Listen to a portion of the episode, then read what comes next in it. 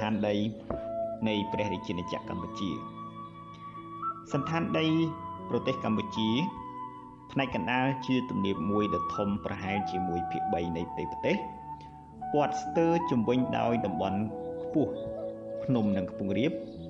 គេចែកសន្តានដីប្រទេសកម្ពុជាជា4តំបន់ធម្មជាតិធំធំគឺ1តំបន់សមុទ្រ 2តំបន់ប្រជុំភ្នំ3តំបន់ទំនាបកណ្ដាល4តំបន់ខ្ពង់រាបអំពីតំបន់សមុទ្រតំបន់នេះស្ថិតនៅប៉ែកនិរដីប្រទេស មានខេត្តកោះកុងខេត្តព្រះសីហនុខេត្តកែបខេត្តកំពត ហើយចែកចេញជា3ផ្នែក មានទំនាបឆ្នេរឆ្នេរ និងឈូកទំនាបឆ្នេរតូចចង្អៀតសម្បូរផ្លូវទឹកខ្លីៗនិងព្រៃកោងកាងឆ្នេរមានប្រវែង440គីឡូម៉ែត្រពីចាំយាមព្រំដែនប្រទេសថៃដល់ហាទៀងព្រំដែនប្រទេសវៀតណាមឈូងសមុទ្រកម្ពុជាសម្បូរកោះដូចជាកោះកុងកោះរុងកោះរុងសន្លឹមកោះថ្មីកោះទន្សាយ កោះតាងកោះពូលូវៃឬក៏កោះអាចសេះជាដើមកោះត្រល់ជាកោះធំជាកោះភ្នំដ៏ធំមួយនៅបាំងពីមុខខេត្តកំពតពីដើមជាផ្នែកមួយនៃទឹកដីខ្មែរបច្ចុប្បន្នកាន់កាប់ដោយប្រទេសវៀតណាមដែលហៅថាប៉ុស្តិ៍កោះពូខ្វុកតំបន់ប្រជុំភ្នំ ជួរភ្នំក្រវាញសណ្ដូកតាមបណ្ដោយឆ្នេរពីខេត្តកោះកុងដល់ខេត្តកំពតចែកចេញជា3ផ្នែកមានក្រវាញខាងលិចក្រវាញកណ្ដាលនិងក្រវាញខាងកើតក្រវាញខាងលិចសណ្ដូកពីបៃលិនដល់ដងស្ទឹងពោធិ៍សាត់មានកម្ពស់កំពូលខ្ពស់គឺភ្នំទំព1563ម៉ែត្រ ក្រវ៉ាញ់កណ្ដាលមានផ្ទៃរាងទេពីមងមកកោះកុងមានកម្ពស់ខ្ពស់គឺភ្នំសំកោះ1744ម៉ែត្រក្រវ៉ាញ់ខាងកើតចែកចេញជាប្រជុំភ្នំ3គឺប្រជុំភ្នំខ្ជូលប្រជុំភ្នំអូមលូនិងប្រជុំភ្នំដំរីប្រជុំភ្នំខ្ជូលស្ថិតនៅចន្លោះខេត្តពោធិ៍សាត់និងកំពង់ស្ពឺ ភ្នំអរ៉ាល់ខ្ពស់ជាងគេនៅកម្ពុជាឆ្នាំគឺមានកម្ពស់1813ម៉ែត្រប្រជុំភ្នំអូមលូស្ថិតនៅចន្លោះស្រែអំបិលនិងកំពង់ស្ពឺ មានខ្ពង់រាបគិរីរំ700ម៉ែត្រប្រជុំភ្នំដំរី ដាច់ចេញពីអូមលូដោយច្រកពេជ្រនិល និងបញ្ចប់ដោយមុខចំណោតភ្នំបូកគោ 1075ម៉ែត្រជួរភ្នំនោះមានច្រកសំខាន់3គឺច្រកវាលវែងច្រកតាសីនិងច្រកពេជ្រនិលភ្ជាប់ទំនាបកណ្ដាលមកតំបន់មាត់សមុទ្រតំបន់កូនភ្នំស្ថិតនៅព័ទ្ធជុំវិញជួរភ្នំក្រវាញមានកូនភ្នំនៅដាច់ដាច់ពីគ្នា មានកម្ពស់មិនលើសពី800ម៉ែត្រ មានភ្នំសំខាន់សំខាន់ដូចជា ភ្នំវែងភ្នំកំរែង ភ្នំពឹសភ្នំទូកមាសជាដើមកោះទាំងឡាយរបស់យើងក៏ស្ថិតនៅតំបន់កូនភ្នំដែរជួរភ្នំដងរែកបង្កើតបានជាព្រំដែនធម្មជាតិរវាងកម្ពុជាថៃ ជាគែមខាងត្បូងនៃខ្ពង់រាបនគររាជដែលមានមុខចំណោតខ្លាំងមកខាងកម្ពុជា សណ្ដូកពីទិសខាងកើតទៅលិចចាប់ពីចរឡងទន្លេមេគង្គដល់ចរឡងទន្លេចៅព្រះយ៉ានៃប្រទេសថៃវាមានបណ្ដោយប្រវែង300គីឡូម៉ែត្រនិងរយៈកម្ពស់ចុះជាលំដាប់ពីកើតទៅលិចពី700ម៉ែត្រទៅ200ម៉ែត្រអំពីតំបន់ទំនាបកណ្ដាលទំនាបនេះទំនាបនេះស្ថិតនៅ ចំកណ្ដាលប្រទេសសណ្ដូកតាមទិសពីយប់អាគ្នេយ៍សណ្ដោកតាមទិសពីយប់ទៅអាគ្នេយ៍មានរាងប្រវែងស្ដួចកណ្ដាលរីកចំរីកធំឆ្ពោះទៅទិសខាងត្បូងជាទំនាបល្បាប់មានទំហំស្មើ1ភាគ3នៃផ្ទៃប្រទេស ហើយចែកចេញជាទំនាបបឹងនិងទំនាបទន្លេ4មុខទំនាបបឹង គឺស្ថិតនៅជំវិញបឹងទន្លេស្អាតមានរយៈកម្ពស់ពី25ទៅ200ម៉ែត្រតាមសន្តានដីទំនាបនេះចែកចេញជា3ផ្នែកគឺតំបន់លិចទឹកជាប្រចាំទំនាបទាបលិចទឹកចំនួននិងទំនាបខ្ពស់មិនលិចទឹកចំនួនទេទំនាបទន្លេ4មុខស្ថិតនៅអមសងខាងទន្លេទាំង4តាមសន្តានដីទំនាបនេះគឺចែកចេញជា3ផ្នែកដែរ គឺផ្នែកដីល្បាប់មាត់ជាប់មាត់ទន្លេតំបន់លិចទឹកនៅរដូវវស្សា និងតំបន់មិនលិចទឹកគឺជាវាលស្រែចំពោះតំបន់ខ្ពង់រាបវិញ គឺខ្ពង់រាបខាងជើង ស្ថិតនៅចន្លោះទំនាបកណ្ដាលជួរភ្នំដងរែកនិងជ្រលងទន្លេមេគង្គមានកូនភ្នំដូចជា ភ្នំត្បែងចុងកាល់គូលែនសន្ទុកជាដើមខ្ពង់រាបខាងកើត និងឥសានចែកចេញជា4ផ្នែកខ្ពង់រាបខេត្តក្រចេះនិងស្ទឹងត្រែងខ្ពង់រាបខេត្តកំពង់ចាមខ្ពង់រាបរតនគិរីបកកែវនិងខ្ពង់រាបខេត្តមណ្ឌលគិរីខាងនៅឆ្លងលើ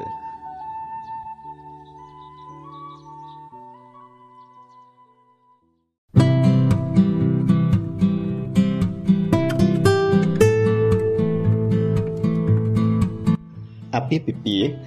គឺជាការប្រកាសយ៉ាងអឡារឹករវាងបុរសនិងនារី អំពីការព្រមព្រៀងរួមរស់ជាមួយគ្នាដោយស្របច្បាប់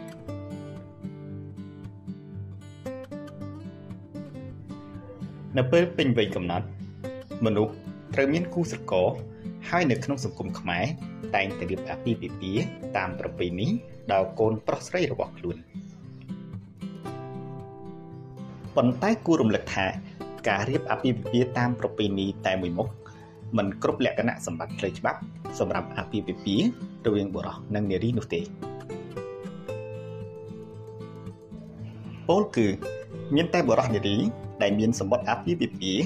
ចេញដោយមន្ត្រីអត្រានុកូលដ្ឋានប៉ុណ្ណោះទើបគេទទួលស្គាល់ថាជាស្វាមីភរិយាស្របច្បាប់ ឬយើងហៅម្យ៉ាងទៀតថានីតិសង្វាស យោងតាមក្រមរដ្ឋបវិន័យនៃព្រះរាជាណាចក្រកម្ពុជា ដើម្បីឲ្យអាពាហ៍ពិពាហ៍ស្របច្បាប់គឺត្រូវគោរពតាមលក្ខខណ្ឌដូចខាងក្រោមទី1គឺការប្រំព្រៀងនេះមានន័យថាអាពាហ៍ពិពាហ៍អាចកើតឡើងបានលុះត្រាតែមានការស្ម័គ្រចិត្តទាំងសងខាងទី2គឺភេទនៅក្នុងក្រមរដ្ឋបတ်ពីនេះ មិនបានចែងតម្រូវថាត្រូវតែមានភាពដូចគ្នាឡើយប៉ុន្តែក្រុមនេះបានប្រើពាក្យថាអាពាហ៍ពិពាហ៍រវាងបុរសនិងនារី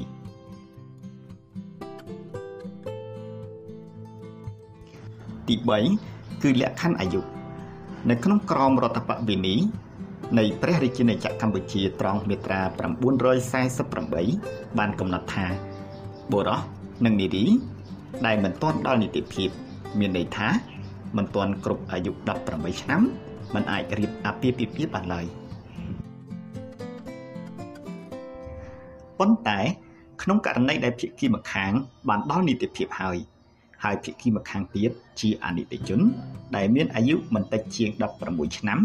អាចរៀបអាពាហ៍ពិពាហ៍ជាមួយគ្នាបានដោយទទួលការយល់ព្រមពីអ្នកដែលមានអំណាចមេបា ឬអ្នកអាណាព្យាបាលរបស់អនិច្ចជននោះ ហើយក្នុងករណីដែលអ្នកមានអំណាចមេបាឬអ្នកអាណាព្យាបាលរបស់អនិច្ចជនបដិសេធមិនផ្ដល់ការយល់ព្រមដោយគ្មានមូលហេតុសមស្របអ្នកដែលមានបំណងរៀបអាពាហ៍ពិពាហ៍អាចប្តឹងទៅតុលាការឲ្យសម្រេចជំនួសការយល់ព្រមនោះបាន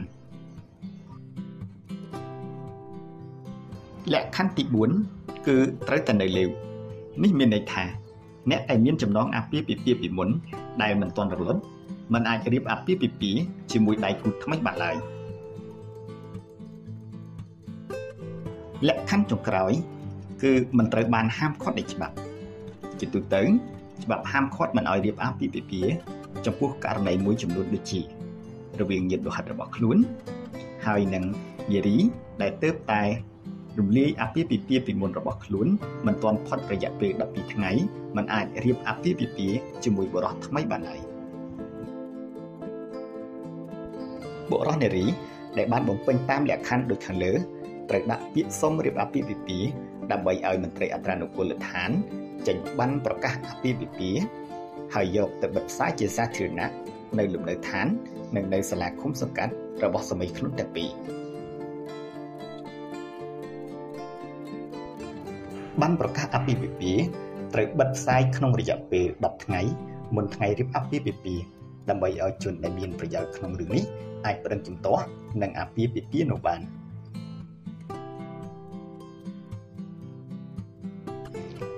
បន្ទាប់ពីផុតរយៈពេលកំណត់ខាងលើនឹងមិនមានការប្តឹងជំទាស់ហើយបានរៀបចំពិធីអាពាហ៍ពិពាហ៍ចប់សពគ្រប់ហើយ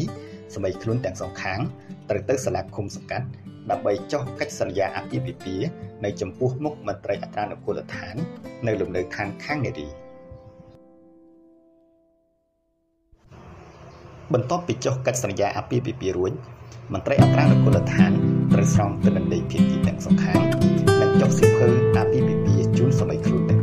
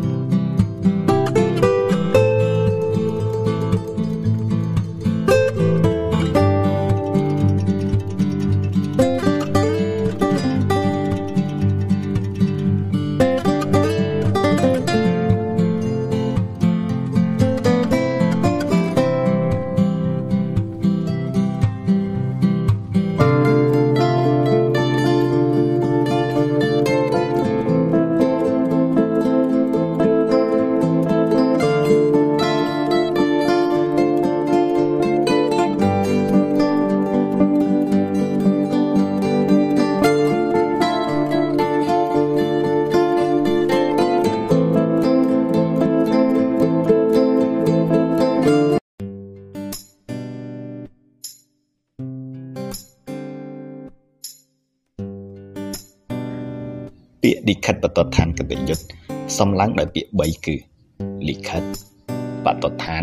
និងកតញ្ញុតដែលពាក្យលិខិត មានន័យថា ជាអត្ថបទដែលសរសេរឡើងជាលិលាអក្សរពាក្យបទដ្ឋាន មានន័យថា ជាទីតាំងហេតុជាទីតម្កល់គ្រឿងទ្រផ្ទាល់ចំណែកពាក្យកតយុត្តមានន័យថា ជាច្បាប់ ឬតាមផ្លូវច្បាប់ ជារួមពាក្យលិខិតបទដ្ឋានកតយុត្តគឺជាអត្ថបទច្បាប់វិជ្ជមាននានាដែលអង្គការនីតិបញ្ញត្តិឬអាជ្ញាធររបស់រដ្ឋផ្សេងៗទៀតបានតាក់តែងឡើងដោយផ្អែកទៅលើរដ្ឋធម្មនុញ្ញជាគោលដើម្បីយកទៅអនុវត្តក្នុងការគ្រប់គ្រងប្រទេសជាតិដែលអត្ថបទវិជ្ជមានទាំងនោះចែងអំពីទំនាក់ទំនងរវាងបុគ្គលឯកជននិងរដ្ឋឬរវាងរដ្ឋនិងអង្គភាពរដ្ឋសម្ដៅបម្រើផលប្រយោជន៍ទូទៅ ឬសង្គមដែលស្មើភាពគ្នាមានការរើសអើងការគ្រប់គ្រងរដ្ឋក៏ដូចជាការគ្រប់គ្រងសង្គមតែងតែមានទំនាក់ទំនងរវាងអង្គភាពរដ្ឋនិងបុគ្គលឯកជនឬអង្គភាពរដ្ឋនិងអង្គភាពរដ្ឋដើម្បីបម្រើផលប្រយោជន៍ទូទៅលើគ្រប់វិស័យក្នុងទិសដៅនេះអង្គភាពរដ្ឋផ្នែកនីតិកម្មត្រូវរៀបចំឡើងនៅលិខិតបទដ្ឋានកតញ្ញុផ្សេងផ្សេងដើម្បីគ្រប់គ្រងលើតំណែងតំណងទាំង លិខិតបទដ្ឋានកតញ្ញុទាំងឡាយមានលំដាប់ថ្នាក់ពីខ្ពស់ទៅទាបដែលផ្អែកទៅលើវិសាលភាពខ្លឹមសារនិងឋានានុក្រមនៃប្រភពតាក់តែងរៀបរៀងជាទូទៅលិខិតបទដ្ឋានកតញ្ញុមានដូចជា ច្បាប់ព្រះរាជក្រឹត្យអនុក្រឹត្យប្រកាសសេចក្តីសម្រេចដីកាសារាចរសារាចរណែនាំជាដើមអញ្ញាធររបស់រដ្ឋ ដែលមានសិទ្ធិចេញលិខិតបទដ្ឋានកតយុត្តគឺព្រះមហាក្សត្រអង្គការនីតិបញ្ញត្តិដែលមានរដ្ឋសភានិងព្រឹទ្ធសភាអង្គការនីតិប្រតិបត្តិដែលមានរដ្ឋាភិបាលក្រសួងស្ថាប័ននិងអាជ្ញាធរថ្នាក់ក្រោមជាដទៃទៀត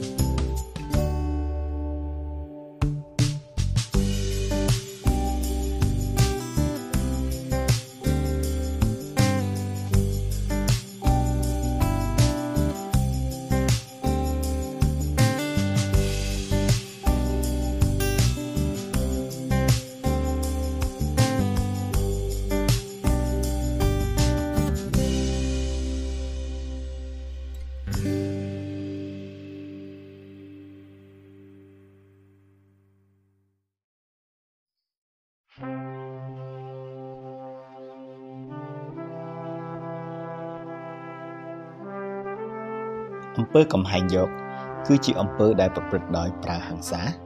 ការគំរាមកំហែងថានឹងប្រើហិង្សាឬដោយការបង្ខិតបង្ខំដើម្បីទទួលបាននៅហត្ថលេខាឬស្នាមមេដៃការសន្យាឬការបោះបង់ចោលអ្វីមួយ ការបង្ហាញអាកំបាំងណាមួយ ការប្រគល់មូលនិធិតម្លៃឬទ្រព្យសម្បត្តិអ្វីមួយអំពើកំហែងយកត្រូវផ្ដន្ទាទោសដាក់ពន្ធនាគារពី2ឆ្នាំដល់5ឆ្នាំ និងពិន័យជាប្រាក់ពី4លានរៀលទៅ10លានរៀលអំពើកំហែងយកដែលមានការប្រើប្រាស់អាវុធត្រូវជាប់ពន្ធនាគារពី7ឆ្នាំទៅ15ឆ្នាំអំពើកំហែងយកដោយមានការកាត់អវយវៈឬធ្វើឲ្យជនរងគ្រោះពិការត្រូវផ្ដន្ទាទោសដាក់ពន្ធនាគារពី10ឆ្នាំទៅ20ឆ្នាំអំពើកំហែងយកដោយប្រើទិរណកម្មអំពើឃុបឃើឬធ្វើឲ្យជនរងគ្រោះស្លាប់ ត្រូវផ្ដន្ទាទោសដាក់ពន្ធនាគារពី15ឆ្នាំទៅ30ឆ្នាំ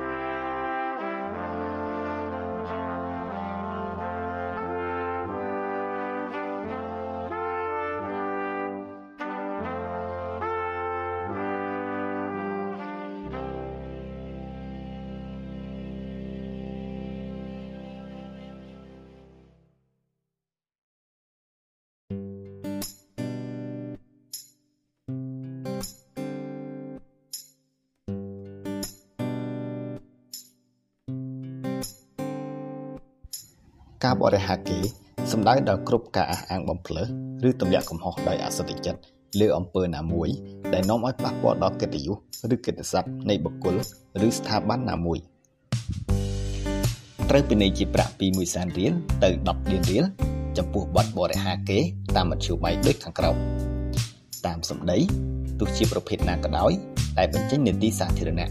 ឬនៅក្នុងសារប្រជុំសាធារណៈតាមលិខិត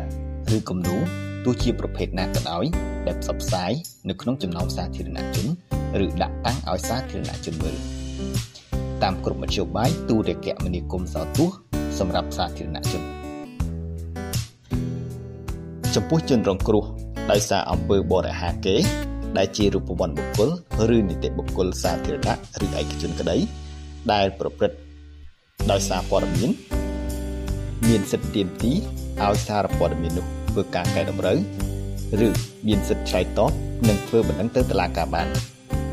ចម្លើយកែតម្រូវឬឆ្លើយតបត្រូវចុះផ្សាយនៅក្នុងរយៈពេល7ថ្ងៃយ៉ាងជូរ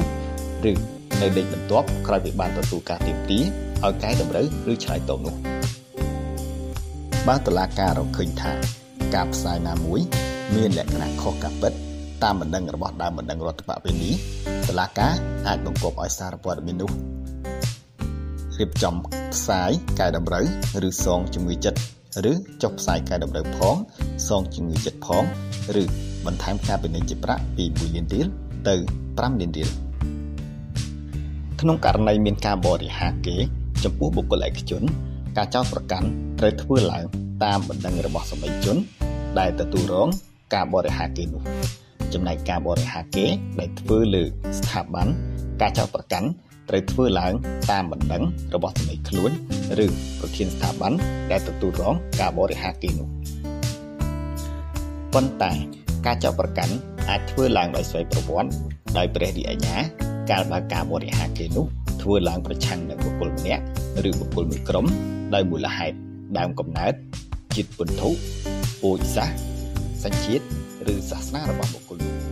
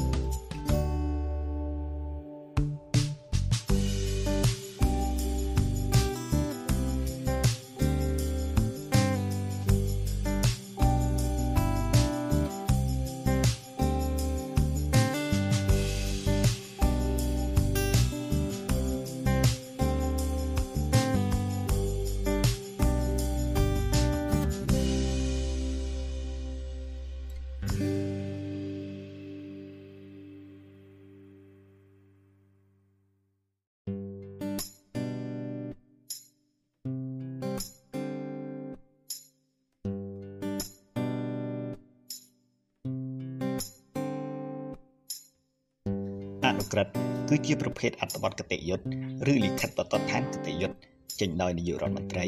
ឬប្រមុខរដ្ឋាភិបាលហើយមានអនុភាពលើក្រសួងស្ថាប័ននានាចំណុះឲ្យរាជរដ្ឋាភិបាល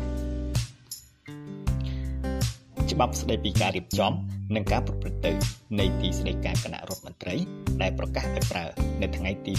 28ខែមករាឆ្នាំ2018ត្រង់មាត្រា18បានកំណត់ថា នាយករដ្ឋមន្ត្រីចុះហត្ថលេខាលើអនុក្រឹត្យសេចក្តីសម្រេចបទបញ្ជា និងត្រាចររបស់រដ្ឋាភិបាលលិខិតបទដ្ឋាននានាដែលមានអនុភាពគតិយុត្តទូទៅ របស់រាជរដ្ឋាភិបាលត្រូវចុះនៅក្នុងរាជកិច្ចនៅក្នុងការអនុវត្តជាក់ស្ដែងនៃព្រះរាជាណាចក្រកម្ពុជាអនុក្រឹត្យមានពីរប្រភេទគឺអនុក្រឹត្យស្តីពីការបង្កើតនិងអនុក្រឹត្យស្តីពីការតែងតាំង ជាទូទៅលេខរបស់អនុក្រឹត្យស្ដីពីការបង្កើតតែងតែបញ្ចប់ដោយអនក្របកសូមបញ្ជាក់ថាអនក្របគឺជាអក្សរកាត់ពីពាក្យថាអនុក្រឹត្យចំណែកឯបកគឺជាអក្សរកាត់ពីពាក្យថាបង្កើតអនុក្រឹត្យស្តីពីការបង្កើតគឺជាអនុក្រឹត្យដែលចែងអំពីការរៀបចំឬការបង្កើតអង្គភាពក្រុមការងារគណៈកម្មការអាជ្ញាធរក្រុមប្រឹក្សាជាដើមដែលក្រុមទាំងនេះ ត្រូវស្ថិតក្រោមរង្វង់សមត្ថកិច្ចរបស់រាជរដ្ឋាភិបាលឧទាហរណ៍អនុក្រឹត្យលេខ46អនក្របកចុះថ្ងៃទី31ខែឧសភាឆ្នាំ2002ស្តីពីនីតិវិធីនៃការកសាងប្លង់សូរិយោដីនិងសិភៅគោលបញ្ជីដីធ្លីតាមរយៈអនុក្រឹត្យនេះត្រង់មាត្រា3បានបង្កើតគណៈកម្មការរដ្ឋបាលមួយក្រោមការដឹកនាំរបស់អភិបាលខេត្ត ក្រុងសម្រាប់អនុវត្តការងារលើតំបន់ដែលត្រូវធ្វើការវិនិច្ឆ័យក្នុងដំណើរការកសាងប្លង់សូរិយោដីនិងសិភៅគោលបញ្ជីដីធ្លីជូនប្រជាពលរដ្ឋចំណែកលេខរបស់អនុក្រឹត្យស្តីពីការតែងតាំងវិញតែងតែបញ្ចប់ដោយអនក្រតតដែលអនក្រគឺជាអក្សរកាត់មកពីពាក្យថាអនុក្រឹត្យចំណែកតតជាអក្សរកាត់មកពីពាក្យថាតែងតាំងអនុក្រឹត្យស្តីពីការតែងតាំង មាននីតិតែងតាំងផ្លាស់ប្ដូរផ្ទេរភារកិច្ចបញ្ចប់ការងារដាក់ឲ្យចូលនិវត្តន៍ជាដើមចំពោះមន្ត្រីជាន់ខ្ពស់ថ្នាក់វរៈមន្ត្រីចាប់ពីថ្នាក់ប្រធាននាយកដ្ឋានដល់ថ្នាក់អគ្គនាយករងអគ្គលេខាធិការរងអគ្គអធិការរងនិងថ្នាក់សមមូល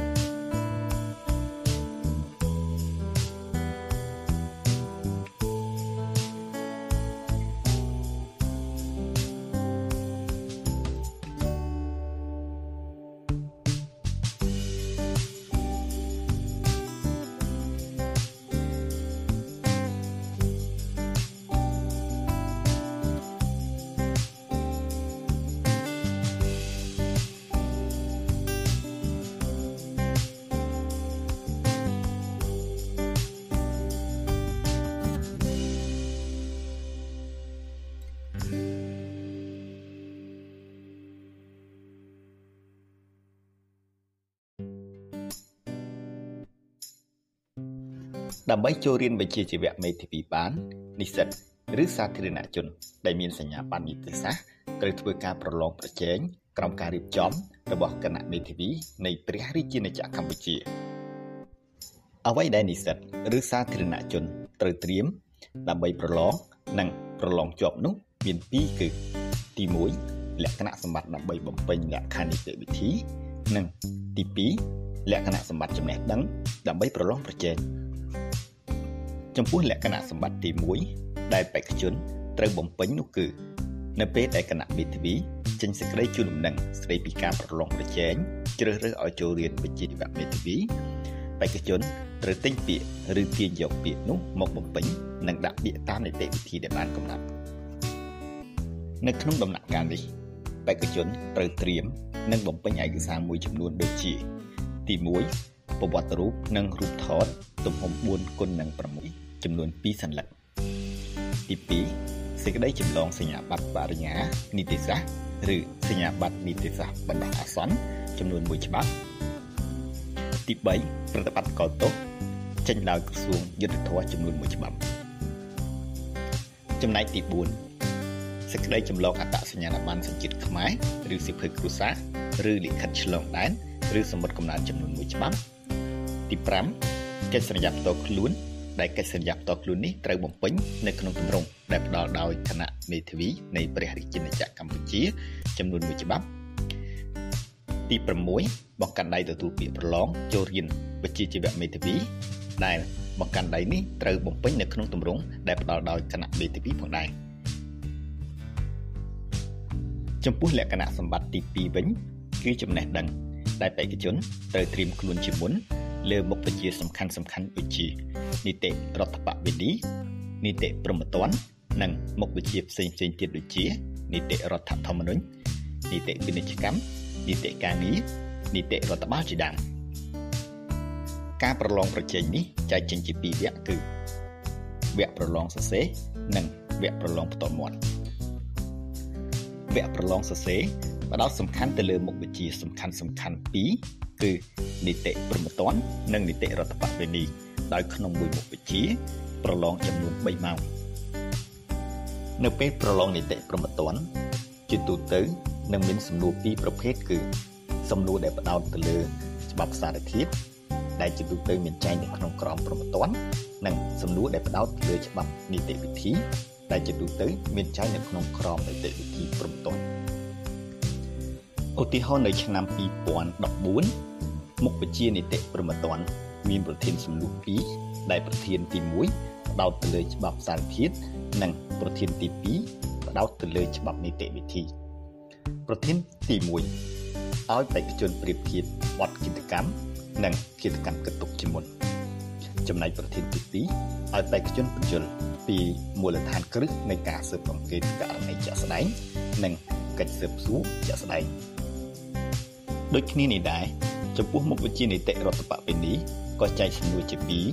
ដោយផ្ដោតទៅលើច្បាប់សារធាតុក្រមរដ្ឋបវេនីនិងច្បាប់នីតិវិធីក្រមនីតិវិធីរដ្ឋបវេនីផងដែរវិញ្ញាសានីតិរដ្ឋបវេនីឆ្នាំ2014បានចែកចេញជាពីរផ្នែកដែលផ្នែកទី1និយាយអំពីច្បាប់សារធាតុមានពីរសំណួរដែលសំណួរទី1ប្រៀបធៀបអត្តន័យនៃច្បាប់ស្តីពីសិទ្ធិប្រតិនិង ច្បាប់ស្តីពីសិទ្ធិប្រតិភពប្រតិអាចលើកជាឧទាហរណ៍បញ្ជាក់ចំណែកសំណួរទី2បញ្យលក្រមរដ្ឋបវេនីក្នុងឋានៈជាច្បាប់មូលដ្ឋាននៃនីតិឯកជនចំណែកនៅផ្នែកទី2ច្បាប់នីតិវិធី មានពីរសំណួរផងដែរដែលសំណួរទី1ការបញ្ចប់វិវាទរដ្ឋបវេនីដោយការសាជីតើមានផលប្រយោជន៍យ៉ាងណាខ្លះចំពោះភាគីចូលពន្យល់សំណួរទី2អ្នកធ្វើការផ្សះផ្សា សម្រោះសម្រួលត្រូវមានវិធីសាស្ត្រដូចម្តេចខ្លះដើម្បីមានលទ្ធភាពអាចឲ្យភាគីសាសជាបញ្ចប់វិវាទទទួលបានបរិមាណខ្ពស់ចូលពន្យល់ចំពោះការប្រឡងដោយផ្ទាល់មាត់វិញបេក្ខជនចាប់ឆ្នោតត្រូវមុខវិជ្ជាណាក្នុងចំណោមមុខវិជ្ជាផ្សេងពីវគ្គប្រឡងសរសេរខាងលើត្រូវប្រឡងផ្ទាល់មាត់ចំពោះមុខវិជ្ជានោះចំពោះសំណួរឆ្លើយផ្ទាល់មាត់ក៏ត្រូវចាប់ឆ្នោតនិងមានពេលដើម្បីត្រៀមឆ្លើយសំណួរដែលចាប់ឆ្នោតបានផងដែរ ហេតុនេះហើយដើម្បីមានលទ្ធភាពប្រឡងជាប់ចូលរៀនវិជ្ជាជីវៈមេធាវីបេក្ខជនត្រូវខិតខំអាន ស្ដាប់និងស្វែងយល់ច្បាប់ទ្រឹស្ដីច្បាប់នានាជាពិសេសនីតិព្រហ្មទណ្ឌនិងនីតិរដ្ឋបវេនីបន្ថែមលើនេះបេក្ខជនត្រូវពង្រឹងសមត្ថភាពសរសេរតាមបែបបរិមាធិបាយកតិយុត្តឬតែងសេចក្តីច្បាប់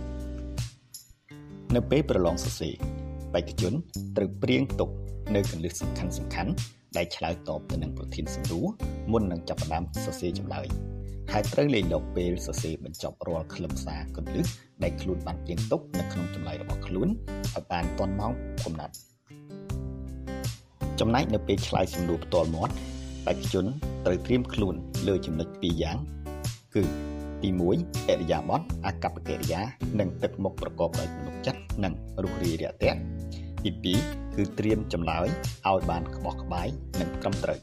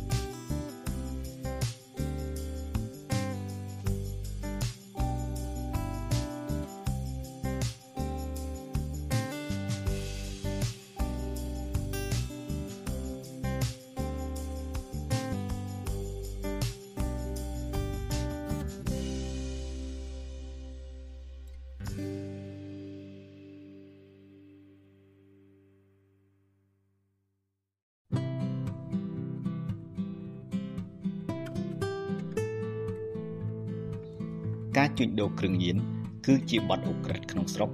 និងជាឧក្រិដ្ឋកម្មឆ្លងដែនដែលមានការចាត់តាំងដ៏គ្រោះថ្នាក់និងពិបាកបង្ក្រាបមួយនៅលើពិភពលោកមាត្រា40នៃច្បាប់ស្តីពីការត្រួតពិនិត្យគ្រឿងញៀនឆ្នាំ2012នៃព្រះរាជាណាចក្រកម្ពុជា បានឲ្យនិយមន័យការជួញដូរគ្រឿងញៀនថាជាការផ្ដល់សម្រាប់លក់ការលក់ការទិញដើម្បីលក់ឬដោះដូរ និងការដោះដូរដោយខុសច្បាប់នៅសារធាតុញៀនច្បាប់កម្ពុជា បែងចែកបទល្មើសជួញដូរគ្រឿងញៀនជាច្រើនថ្នាក់ផ្អែកទៅលើភាពធ្ងន់ធ្ងរផលប៉ះពាល់និងចរិតលក្ខណៈនៃបទល្មើសជួញដូរគ្រឿងញៀនដែលទោសជួញដូរគ្រឿងញៀនទាបបំផុតនៅកម្ពុជា គឺជាប់ពន្ធនាគារចាប់ពី2ឆ្នាំឡើងទៅ និងទោសធ្ងន់បំផុតនោះគឺជាប់ពន្ធនាគារអស់មួយជីវិតត្រង់នេះសូមបញ្ជាក់ថាកម្ពុជា តាមរយៈបទបញ្ញត្តិនៃរដ្ឋធម្មនុញ្ញឆ្នាំ1993បានលុបចោលទោសប្រហារជីវិតហើយនេះហើយមិនមានទោសប្រហារជីវិតទេសម្រាប់បទល្មើសជួញដូរគ្រឿងញៀនប៉ុន្តែនៅលើពិភពលោកមានប្រទេសមួយចំនួននៅតែរក្សាទោសប្រហារជីវិតចំពោះបទល្មើសធ្ងន់ធ្ងរនិងមានចរិតលក្ខណៈគ្រោះថ្នាក់ខ្លាំងដល់សង្គមដែលក្នុងនោះមានបទល្មើសជួញដូរគ្រឿងញៀនផងដែរ យោងតាមរបាយការណ៍ឆ្នាំ2018របស់អង្គការ Harm Reduction International បានឲ្យដឹងថា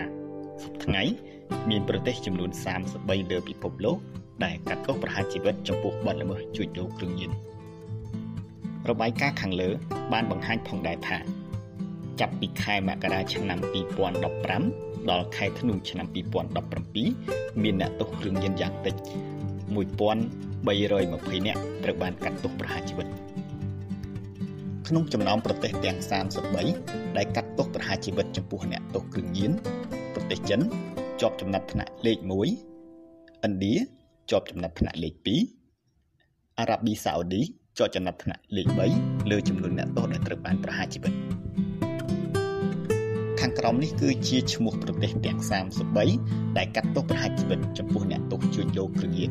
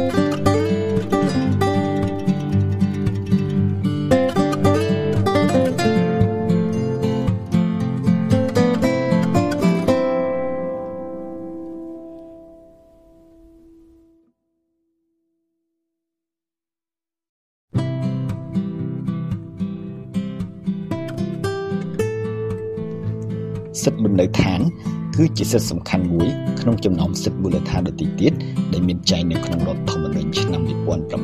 1993និងសេចក្តីប្រកាសជាសកលស្តីអំពីសិទ្ធិមនុស្សមាត្រា12នៃសេចក្តីប្រកាសជាសកលស្តីអំពីសិទ្ធិមនុស្សបានចែងថាគ្មានបុគ្គលណាម្នាក់ត្រូវរងការរំលោភជ្រៀតជ្រែកតាមអំពើចិត្តក្នុងជីវិតឯកជន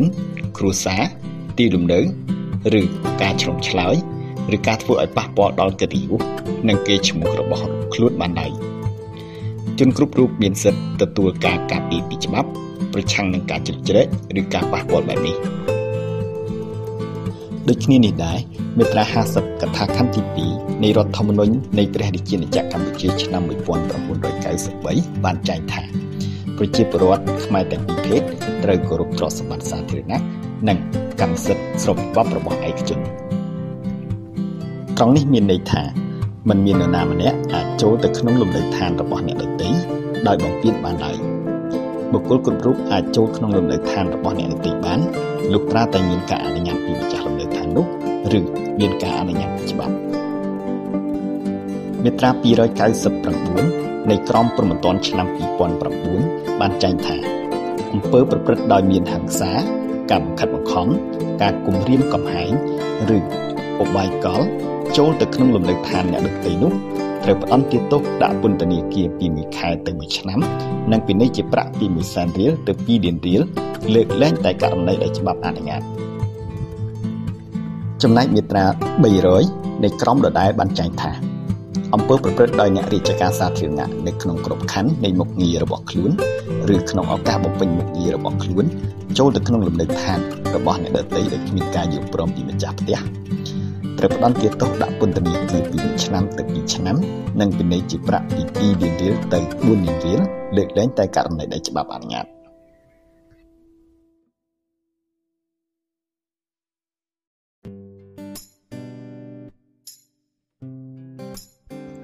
សប្តាហ៍ថ្ងៃការបង្កើត Channel YouTube ឬ Facebook Page ដើម្បីរកចំណូលនិងលក់ឲ្យអ្នកដទៃ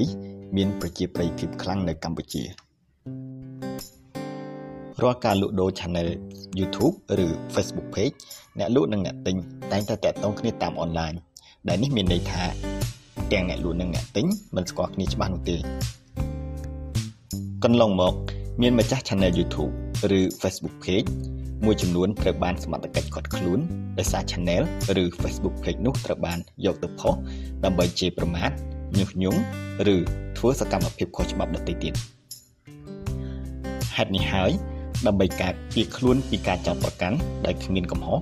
នៅពេលលក់ដូរ Channel ឬទំព័រ Facebook លោកអ្នកត្រូវមានការប្រុងប្រយ័ត្ននិងរក្សាទុករាល់ភស្តុតាងនៃប្រតិបត្តិការទំនាក់ទំនងទិញលក់នោះជាទូទៅនៅពេលមានទំនាក់ទំនងទិញលក់តាមអនឡាញលោកអ្នកត្រូវថត screen សារទំនាក់ទំនងនោះទុកជាភស្តុតាងនៅពេលមានរឿងនៅថ្ងៃក្រោយត្រង់នេះសូមបញ្ជាក់ថា លោកអ្នកមិនត្រូវគិតថាសារដែលមានទំនាក់ទំនងជាមួយគ្នានោះនឹងរក្សាទុកដោយគ្មានបាត់បង់ឡើយព្រោះថាបើភាគីម្ខាងទៀតមានបំណងធ្វើបាបយើង គេនឹងលុបឬប្លុកយើង ដោយលុបសារទាំងអស់ចោលជាហេតុនាំឲ្យយើងគ្មានផុសតាងសម្រាប់សំអាងនៅចំពោះមុខអាជ្ញាធរមានសមត្ថកិច្ចអ្វីដែលត្រូវធ្វើដោយខានមិនបាន នៅពេលទិញលក់ Channel ឬទំព័រ Facebook នោះគឺ ត្រូវតែមានកិច្ចសន្យាទិញលក់និងបង្កាន់ដៃទទួលប្រាក់ដែលក្នុងកិច្ចសន្យាត្រូវបញ្ជាក់ឲ្យច្បាស់អំពីឈ្មោះ Channel ទំព័រ Facebook ឈ្មោះដំណរភ្ជាប់ឬព័ត៌មានសំខាន់សំខាន់ដទៃទៀតដើម្បីបញ្ជាក់អំពីការបដូរម្ចាស់កម្មសិទ្ធិលើ Channel ឬទំព័រ Facebook នោះព័ត៌មានសំខាន់សំខាន់មួយចំនួនទៀតដែលត្រូវសរសេរក្នុងកិច្ចសន្យានោះគឺឈ្មោះអាសយដ្ឋាន អត្តសញ្ញាណប័ណ្ណនិងព័ត៌មានផ្ទាល់ខ្លួនដទៃទៀតរបស់ម្ចាស់ដើមនិងម្ចាស់ថ្មីព្រមទាំងការបរិច្ឆេទផ្ទេរទៅម្ចាស់ថ្មីលក្ខខណ្ឌការពារខ្លួនដែលត្រូវចែងនៅក្នុងកិច្ចសន្យាទិញលក់នេះគឺចាប់ពីការបរិច្ឆេទចុះហត្ថលេខាលើកិច្ចសន្យានេះម្ចាស់ដើមឈប់ជាម្ចាស់លើឈ្មោះ Channel ឬទំព័រ Facebook ក្នុងកិច្ចសន្យានេះទៀតហើយហើយនេះម្ចាស់ដើម មិនទទួលខុសត្រូវផ្លូវច្បាប់ណាមួយឡើយប្រសិនបើម្ចាស់ថ្មីយក Channel ឬទំព័រ Facebook ទៅផុសសកម្មភាពខុសច្បាប់ជាធរមាននៅក្នុងកិច្ចសន្យាត្រូវតែមានហត្ថលេខារបស់ម្ចាស់ដើម និងម្ចាស់ថ្មីព្រមទាំងមានសាក្សីផងដែរជាការប្រសើរដូចគ្នាដែរបង្កាន់ដៃទទួលប្រាក់ក៏ត្រូវតែមានហត្ថលេខារបស់អ្នកទទួលនិងអ្នកប្រគល់ផងដែរ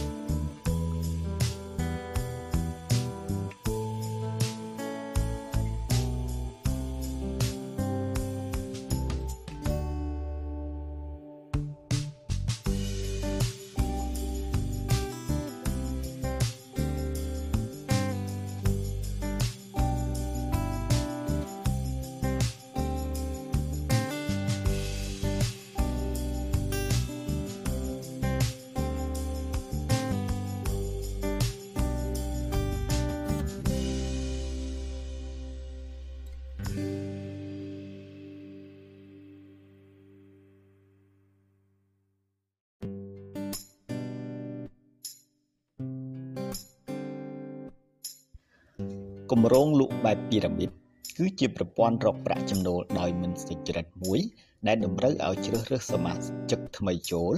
មិនចេះអស់មិនចេះហើយដើម្បីទទួលបានជោគជ័យនៅក្នុងប្រព័ន្ធនេះ នៅពេលបុគ្គលិកកត្រូវណែនាំឲ្យចូលនៅក្នុងប្រព័ន្ធគាត់ត្រូវបង់ប្រាក់ឲ្យអ្នកនាំគាត់ចូល ហើយដើម្បីបានប្រាក់ចំណូលគាត់ត្រូវជ្រើសរើសអ្នកថ្មីផ្សេងផ្សេងទៀតឲ្យចូលក្នុងប្រព័ន្ធនេះ នៅពេលដែលសមាជិកថ្មីចូលមកក្នុងគម្រោងនេះគាត់នឹងបន្តផ្សព្វផ្សាយជ្រើសរើសសមាជិកផ្សេងផ្សេងទៀតក្នុងទម្រង់ដដែលជាបន្តបន្ទាប់ដើម្បីទទួលបានកម្រៃដែលជាលទ្ធផលគម្រោងនេះនឹងមានជារាងពីរ៉ាមីតដូចខាងក្រោមនេះ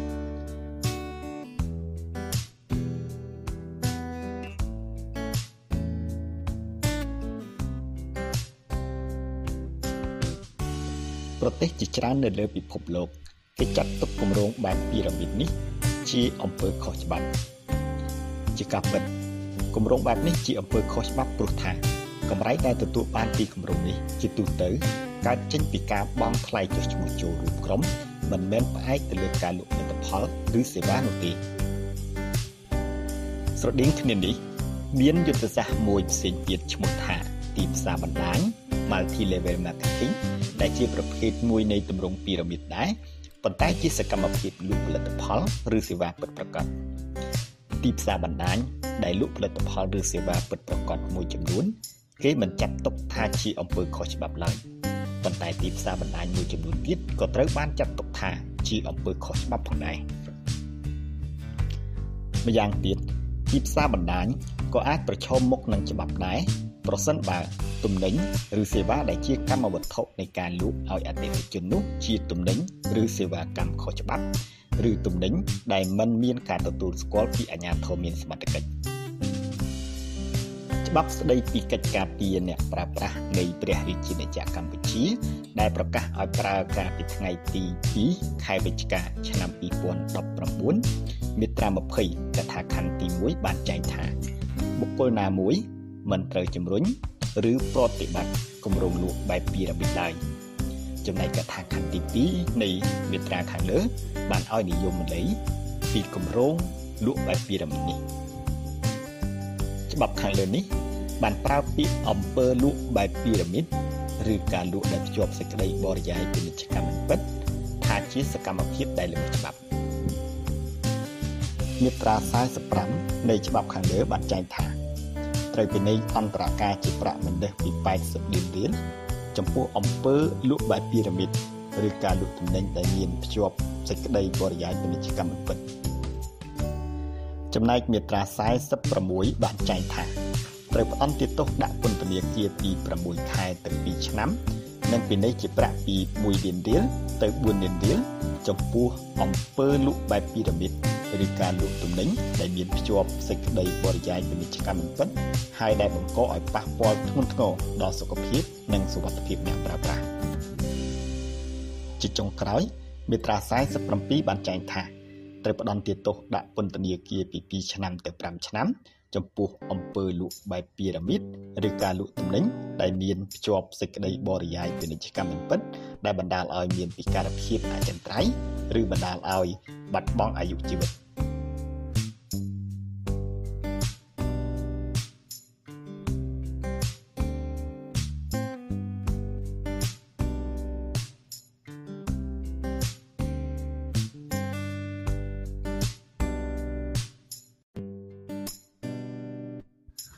ច្បាប់អន្តរជាតិគឺជាបណ្ដុំនៃវិធានដែលគ្រប់គ្រងទំនាក់ទំនងរវាងរដ្ឋនិងរដ្ឋរវាងរដ្ឋនិងអង្គការអន្តរជាតិក៏ដូចជាទំនាក់ទំនងរវាងអង្គការអន្តរជាតិនិងអង្គការអន្តរជាតិផងដែរ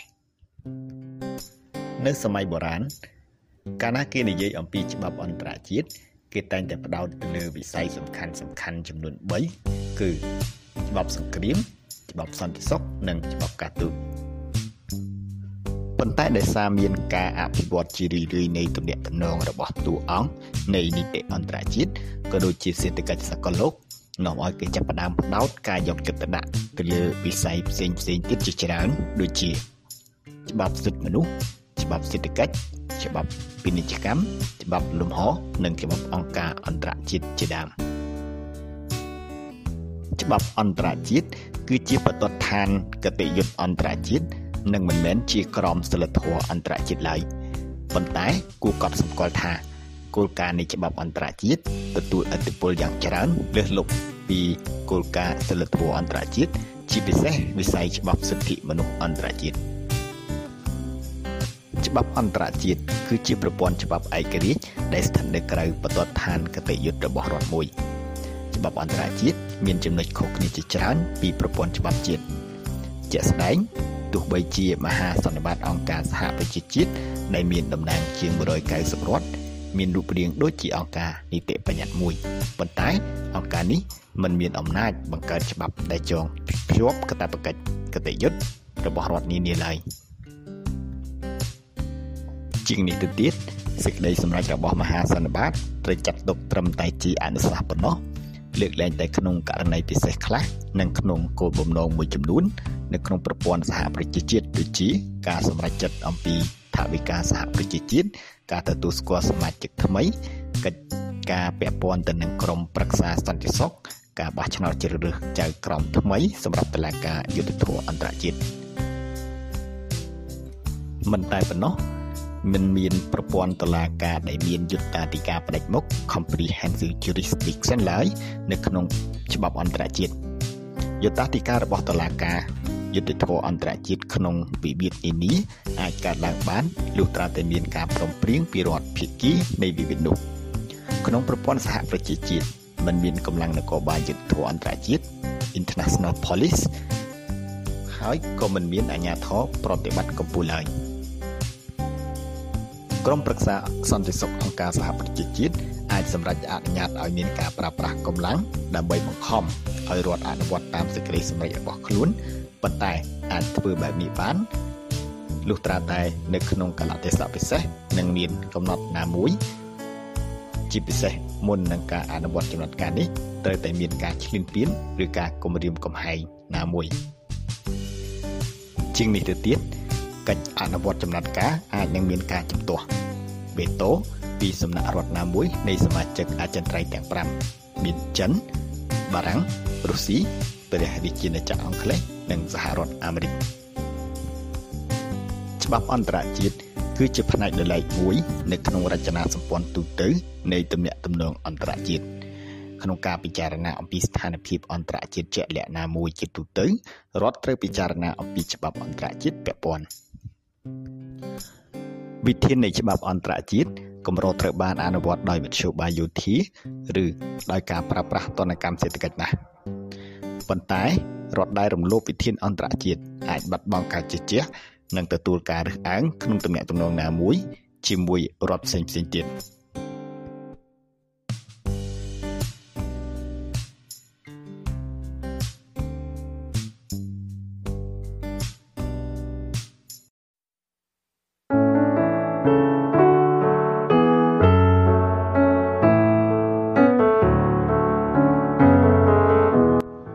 នៅក្នុងការសិក្សាលោកអ្នកអាចជួបពាក្យកាតព្វកិច្ចនិងករណីកិច្ចហើយអាចមានចម្ងល់ថាតើពាក្យទាំងពីរនេះមានន័យដូចគ្នាឬយ៉ាងណា ជាការពិត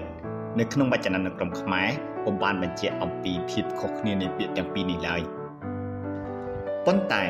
ប្រសិនបើយើងរកពាក្យកាតព្វកិច្ចនៅក្នុងវចនានុក្រមខ្មែរនោះវចនានុក្រមនឹងចង្អុលបង្ហាញឲ្យយើងទៅមើលពាក្យករណីកិច្ចវិញដែលនេះមានន័យថា គឺពាក្យទាំងពីរមានន័យដូចគ្នាគណៈនក្រមខ្មែរបានឲ្យនិយមន័យពាក្យករណីកិច្ចថា ជាកិច្ចដែលគួរធ្វើ ការងារដែលត្រូវតែធ្វើនិយាយជារួមកតបកិច្ចនិងករណីកិច្ចគឺសំដៅទៅលើកិច្ចការដែលត្រូវតែធ្វើជាចាំបាច់និងមិនអាចខានបាន បន្តទៅនេះ យើងនឹងសិក្សាអំពីពាក្យទាំងពីរនៅក្នុងវិស័យច្បាប់វិញតើពាក្យទាំងពីរនេះនៅក្នុងវិស័យច្បាប់គេប្រើយ៉ាងដូចម្តេច សទានុក្រមច្បាប់ផ្នែករដ្ឋបពិនីនិងនីតិវិធីរដ្ឋបពិនីឆ្នាំ2007ដោយទីស្តីការគណៈរដ្ឋមន្ត្រីនៃព្រះរាជាណាចក្រកម្ពុជាពំបានឲ្យនិយមន័យទៅលើពាក្យករណីកិច្ចនេះឡើយប៉ុន្តែសទានុក្រមនេះបានឲ្យនិយមន័យពាក្យករណីកិច្ចព្រិចមុខថាជាករណីកិច្ចដែលផ្សារភ្ជាប់ទៅនឹងបុគ្គលិកលក្ខណៈរបស់បុគ្គលណាមួយ ដែលមិនអាចត្រូវបានផ្ទេរតាមរយៈសន្តតិកម្មឧទាហរណ៍ កូនមានករណីកិច្ចចិញ្ចឹមឪពុកម្ដាយនៅពេលដែលគាត់ចាស់ជរាសត្វទានុក្រមដដែលបានឲ្យនិយមន័យពាក្យកតបកិច្ចថាជាចំណងតាមផ្លូវច្បាប់ដែលចងបុគ្គល2នាក់ដោយឲ្យបុគ្គលម្នាក់ដែលបានកំណត់ហៅថាកូនបំណុលមានករណីកិច្ចមួយចំនួន ចំពោះបុគ្គលម្នាក់ទៀតដែលបានកំណត់ហៅថាជាម្ចាស់បំណុលក្រៅពីនេះសទានុក្រមខាងលើ បានលើកយកពាក្យដែលស្ថិតនៅក្នុងប្រភេទកតបកិច្ចនានាមកបញ្យល់ផងដែរពាក្យទាំងនោះរួមមានកតបកិច្ចចម្បងជាកតបកិច្ចដើមនៃកិច្ចសន្យា ដែលបង្កើតឡើងដោយម្ចាស់បំណុលនិងកូនបំណុលចំណែកកតបកិច្ចដោយសាមគ្គីវិញ ជាកតបកិច្ចរបស់កូនបំណុលច្រើនអ្នកដែលក្នុងនោះកូនបំណុលម្នាក់ម្នាក់ឬច្រើនអ្នកត្រូវអនុវត្តកតបកិច្ចទាំងអស់ឬមួយភាគដោយព្រមគ្នា ឬដោយបន្តបន្ទាប់តាមការទាមទាររបស់ម្ចាស់បំណុលកតបកិច្ចធានា ជាករណីកិច្ចរបស់អ្នកធានាដែលត្រូវអនុវត្តកតបកិច្ចមួយផ្នែកឬទាំងមូលជាមួយនឹងកូនបំណុលដែលមានកតបកិច្ចចម្បងនៅក្នុងករណីដែលកូនបំណុលមានកតបកិច្ចចម្បងនោះមិនអនុវត្តកតបកិច្ចរបស់ខ្លួនកតបកិច្ចអនុញ្ញាតគឺជាកតបកិច្ចដែលផ្ដល់ឲ្យកូនបំណុលនៅលទ្ធភាព ក្នុងការជ្រើសរើសកតបកិច្ចតែមួយឬច្រើនក្នុងចំណោមការផ្ដល់កម្មវត្ថុនៃកតបកិច្ចច្រើនប្រភេទគួរបញ្ជាក់ផងដែរថាក្រៅពីពាក្យករណីកិច្ចនិងកតបកិច្ចមានពាក្យដែលអាចនឹងច្រឡំន័យជាមួយនឹងពាក្យទាំងពីរខាងលើនេះដែរគឺភារកិច្ចវចនានុក្រមខ្មែរបានឲ្យនិយមន័យពាក្យភារកិច្ចថាជាកិច្ចជាភារៈ